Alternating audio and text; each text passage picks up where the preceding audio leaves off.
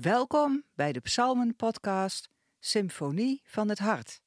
Vandaag door Saskia Tigelaar. Psalm 117 Loof de Heer, volken op aarde. Prijst Hem, naties, overal. Zijn liefde voor ons is overstelpend. Eeuwig duurt de trouw van de Heer. Halleluja.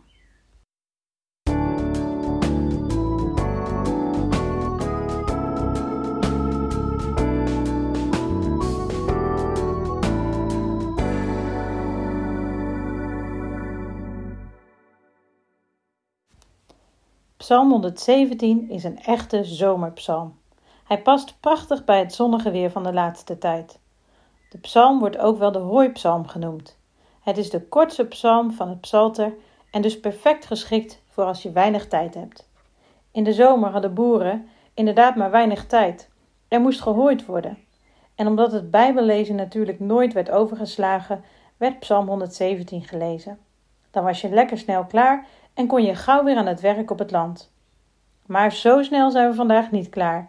De betekenis van deze psalm reikt verder dan de lengte van de psalm doet vermoeden. Maar wat zit er eigenlijk achter deze psalm? Waarom is hij geschreven?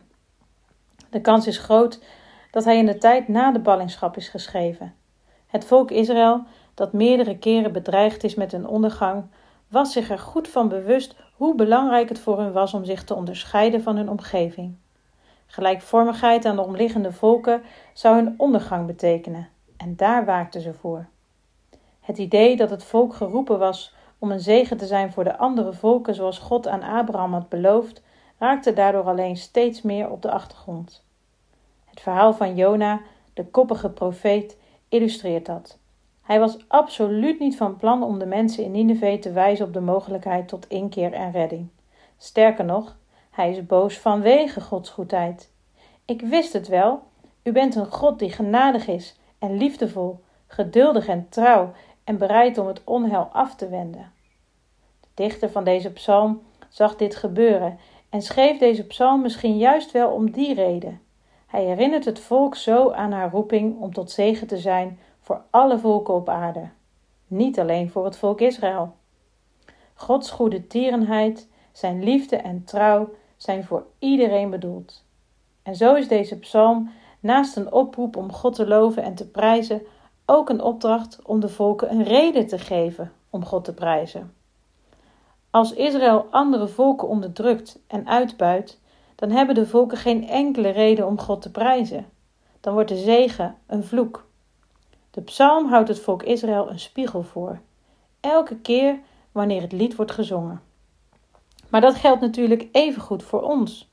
Ook wij worden herinnerd aan onze opdracht in deze wereld, om ons licht te laten schijnen, zodat de mensen onze goede daden zien en God onze Vader eer bewijzen. Het zou best eens kunnen zijn dat Jezus deze psalm in gedachten had toen hij de discipelen de opdracht gaf om alle volken tot zijn discipelen te maken. Leg ze maar eens naast elkaar en vergelijk ze met elkaar. Als wij de woorden van Jezus in praktijk brengen, zullen de mensen om ons heen zien en ervaren hoe goed God is, ook voor hen. De grote vraag die deze korte psalm dus oproept is: geven wij de mensen om ons heen redenen om God te prijzen? Trekken wij erop uit om ons in te zetten voor de bloei van de mensen om ons heen? Een mooi voorbeeld hiervan, heel dichtbij, zie ik in het gezinshuis bij ons op de hoek. Ze vangen kinderen op die nergens meer terecht kunnen, omdat ze te complex zijn. Met veel liefde, natuurlijk ook een flinke dosis doorzettingsvermogen, worden deze kinderen opgevoed en opgevangen. En zij hebben redenen, deze kinderen, om God de Vader te prijzen, want er is een plek voor hen. En hetzelfde geldt ook voor de Oekraïense vluchtelingen die een plek hebben gekregen in de pastorie van onze dorpskerk. Ook zij hebben, ondanks alle ellende, reden om God te prijzen, omdat ze een plek hebben waar ze veilig zijn. Nou ja, dit zijn misschien wat grote voorbeelden die wat ver van je bed afstaan en waar jij van denkt: dat kan ik nooit. Maar toch kan je ook in het klein voor andere mensen tot zegen zijn. En dat is voor iedereen weer anders. Welke reden geef jij mensen vandaag om God te prijzen?